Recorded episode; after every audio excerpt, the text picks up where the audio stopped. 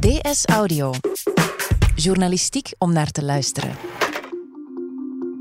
Tijdens de kerstweek zijn we er even tussenuit met onze dagelijkse podcast.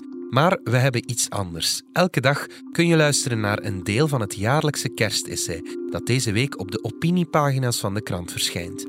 Dalila Hermans schreef het essay over antiracisme. Ze legt uit waarom ze voor dat thema koos.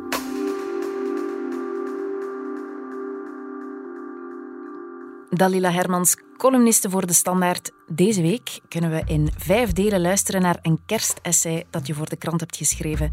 De titel is Oogkleppen af, wat ik na vijf jaar inzag over antiracisme. Vijf jaar.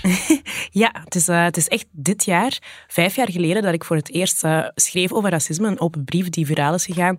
eh, die in december 2014 ehm, is dat gebeurd. Dus ik ben er nu vijf jaar mee bezig, bijna non-stop met dat thema. En nu ben je op een punt gekomen dat je na vijf jaar terugkijkt over wat je in hebt gezien over antiracisme. Dat is heel bewust niet racisme, maar antiracisme. Waarom heb je daarvoor gekozen? Wat ik over racisme wil zeggen, dat, dat heb ik gedaan hè, de afgelopen vijf jaar. In al mijn columns en in heel veel dingen die ik deed, ben ik daarmee bezig geweest. Ehm, maar ik vond het wel interessant om even na te gaan van, ja, wat, wat heb ik nu eigenlijk geleerd over, over die aanpak? Over antiracisme, over hoe doen we dat? Hoe kunnen we dat beter doen? Wat zijn, wat zijn dingen waar we op moeten letten? Ehm, eh, want ik heb wel heel veel dingen gezien ook de afgelopen paar jaar. En ik besefte, uh, toen de vraag kwam om het kerstessay te schrijven, besefte ik van, ah, dat is eigenlijk iets wat ik uh, nog nauwelijks echt onder de loep heb genomen. Dus daarom de keuze. Ja, het zijn vijf delen. Welke stations passeren we zo al?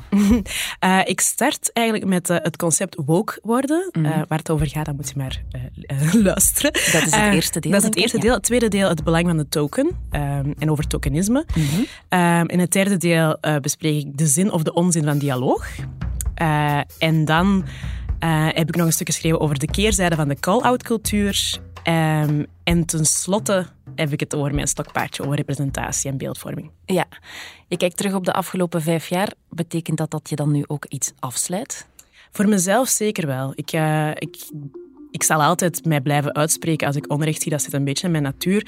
Maar ik ben het, het, het activisme hier rond, uh, ik ben daar ook wel een beetje... Uh, ja, ik ben er zo wel een beetje in moe gestreden, denk ik. Ik heb ook het gevoel dat, dat wat ik zelf uniek nog kan bijbrengen, uh, nu, wel, nu wel verteld is. Dus ik wil, ik wil doen wat ik graag doe, en dat is verhalen vertellen. Ik wil mij echt veel meer focussen terug op dat. Dus ik ga, mm. ik ga mijn, mijn focus echt wel verleggen. Ja. Dus wie verder nog vragen heeft de komende jaren, die leest gewoon de essays terug. Voilà. Oké, okay. Dalila, dankjewel. Dankjewel.